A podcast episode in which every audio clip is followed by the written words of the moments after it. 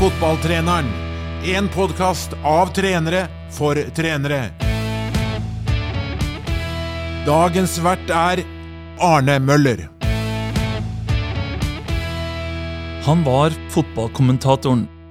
Gjennom flere tiår var han som ga stemmen og livet til tippekamper og landskamper, og de store opplevelsene vi fikk være med på. Han har vært overalt, møtt mennesker, og husker antagelig de aller fleste. Dere skjønner at det er Arne Skeie vi snakker om.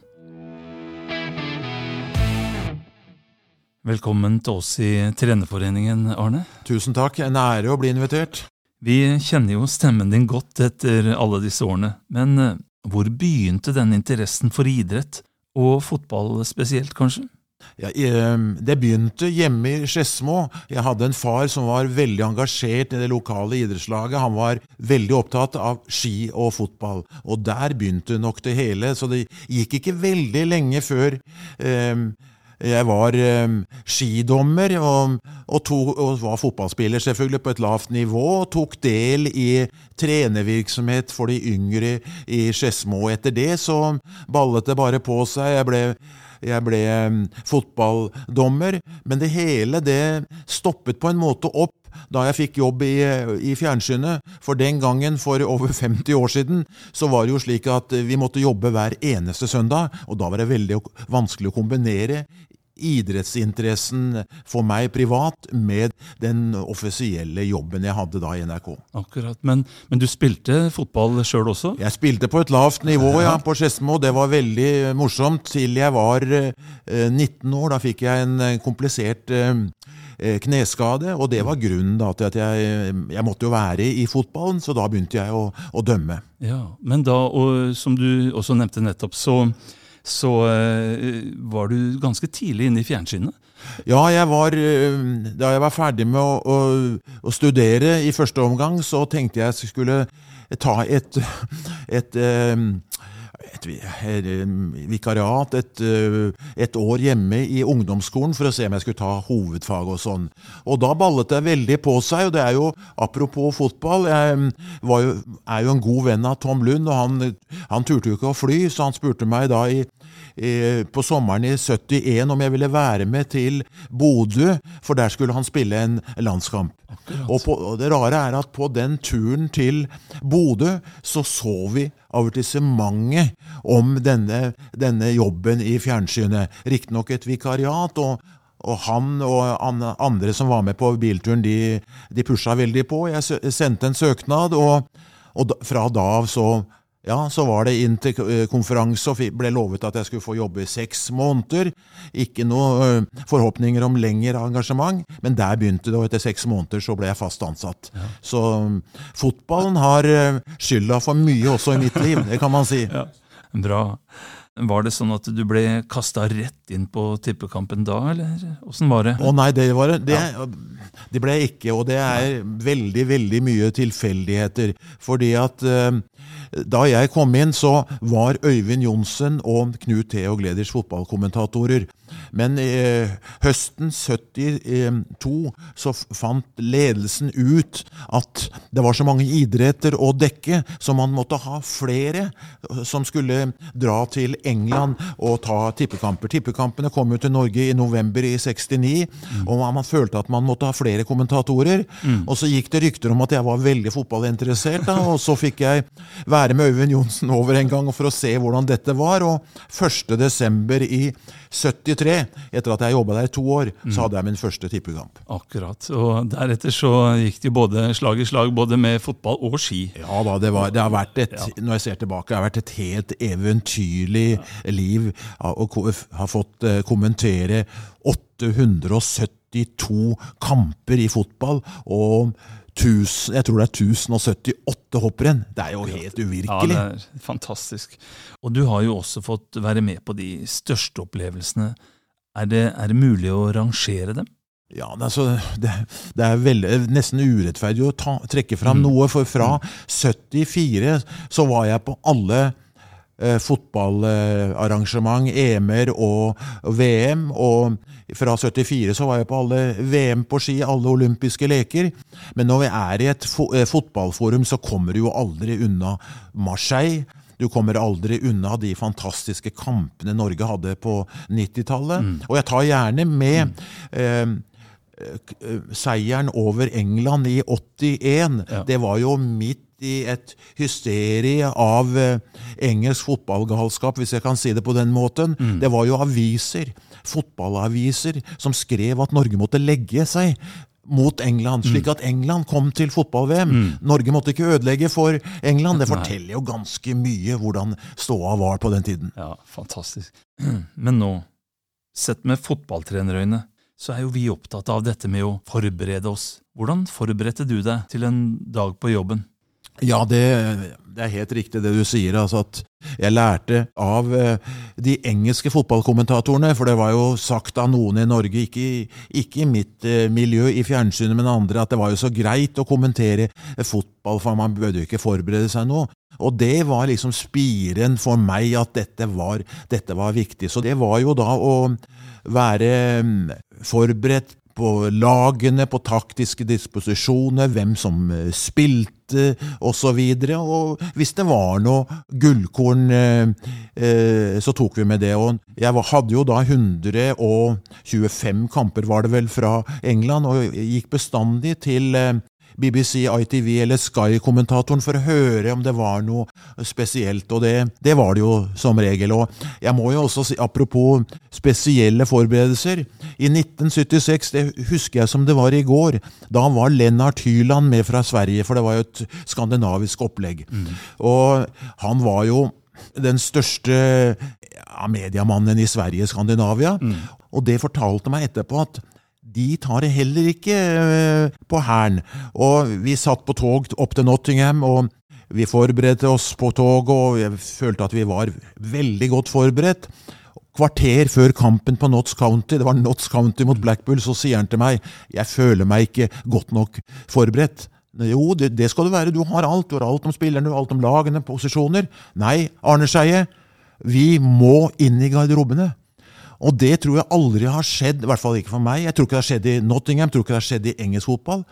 Han banka på døra, og de prøvde å stoppe oss, men han gikk inn i garderoben, snudde spillerne rundt. Å ja, femmer, høy, mørk. Eh, to høyrebekk. Ja, relativt liten. Jeg har ikke sett maken, apropos forberedelser. Det, eh, ja. det, går jo ikke i dag, du kommer, kommer jo ikke i nærheten av noen spillere. Nei. Men det fortalte meg også at de største, de største, Lennart Tyland, de er til de grader på ballen, og de er forberedt. Ja. Og det er interessant det du sier nå, for jeg jobber jo med kommunikasjon jeg også ved, ved siden av eh, fotballen. da. Det å presentere, det å stå foran et publikum og et tips det er å lytte på BBC.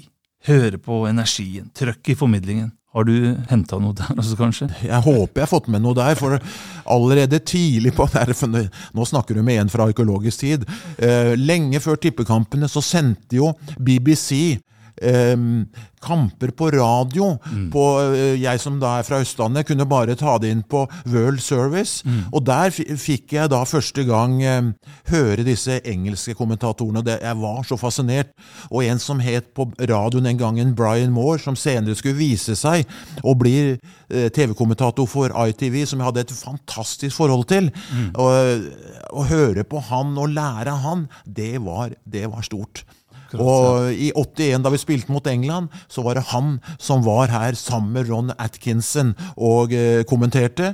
Og NRK var rause den gangen, og de, de, hadde oss på lunsj hele ettermiddagen. Og vi gikk gjennom absolutt alt. Så jeg må jo si da BBC, ITV og Sky-folka, med Martin Tyler som den siste, har vært eh, en fantastisk inspirasjonskilde. altså. Ja, mm. Hvis vi går tilbake til sjølve spillet og ser på hva som har skjedd gjennom alle disse åra her, fra 70-tallet og, og fram til i dag, det har jo det har skjedd litt. Det har vært en enorm utvikling. Du ser det på alle ting, men når jeg sitter og ser i dag, så tenk, prøver jeg å tenke når jeg hadde de første kampene, altså for mm. snart 50 år siden Farten! Mm. Farten syns jeg er, det er Og ballbehandling! Ja. Er, ballen spretter jo ikke nå fire meter som den gjorde da vi hadde Notts County på 70-tallet. Nei, det er helt imponerende. Dette er jo verdensstjerne på høyeste nivå.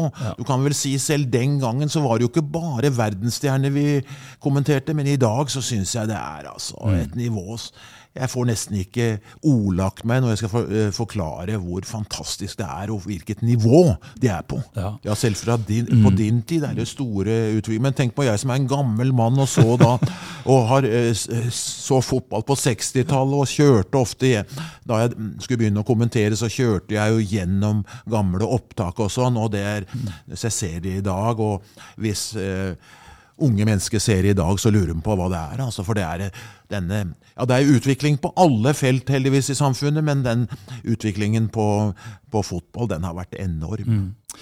Hvis du ser tilbake på spillere, trenere som du har møtt, hvem er det som har gjort spesielt inntrykk på deg? Jo, det er jo, eh, det er jo mange, eh, mange, der. altså Du har mm. vært så heldig å eh, vært borti altså De norske trenerne der mm. har jo hatt et veldig godt forhold til alle gjennom alle år. og Jeg husker den polske treneren Gemok.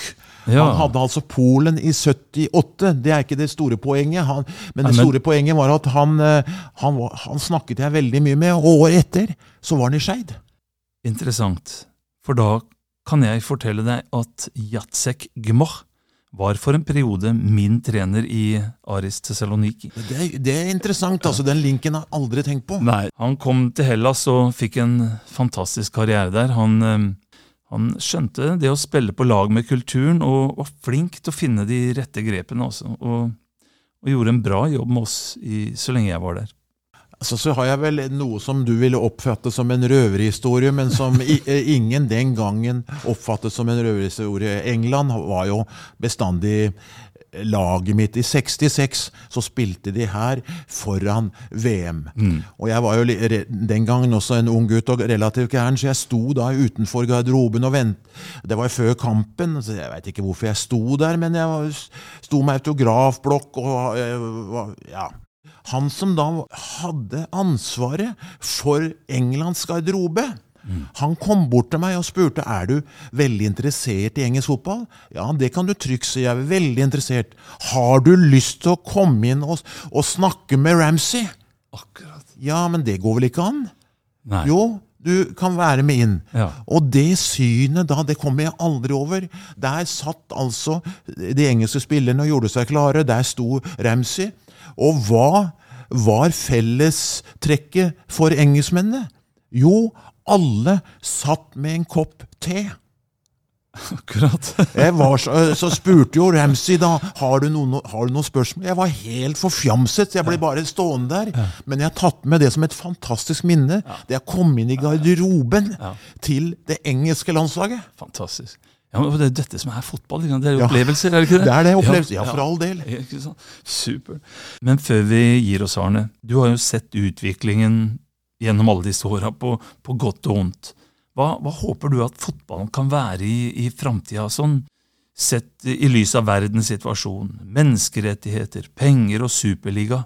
Har du gjort deg noen, noen, tanker om det? Ja, Det er jo et veldig godt spørsmål. Jeg håper jo at vi fortsatt eh, eh, Nå vet jeg at fotballen lever ikke sitt eget liv, men jeg hadde jo håpet at, at fotballen kunne være være på det nivået at den skapte toleranse og bånd mellom mennesker. Men jeg tør snart ikke å, å tro noe lenger. Med fordeling av eh, fotball-VM, penger og makt og prestisje. Og det er kanskje et eh, positivt tegn eller trekk for fotballen.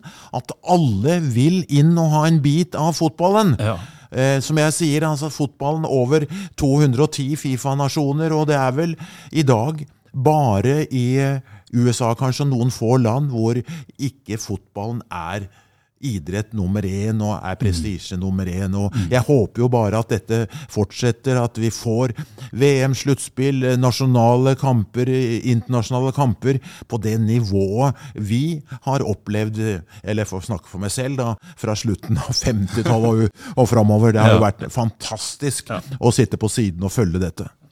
Ja, la oss håpe at vi fortsatt kan det, for eh, det er jo derfor du og jeg sitter her, ikke sant? Fordi det engasjerer. Og det engasjerer mange. Tusen hjertelig takk, Arne, for at du kom og var med oss. Tusen takk for at jeg fikk være med.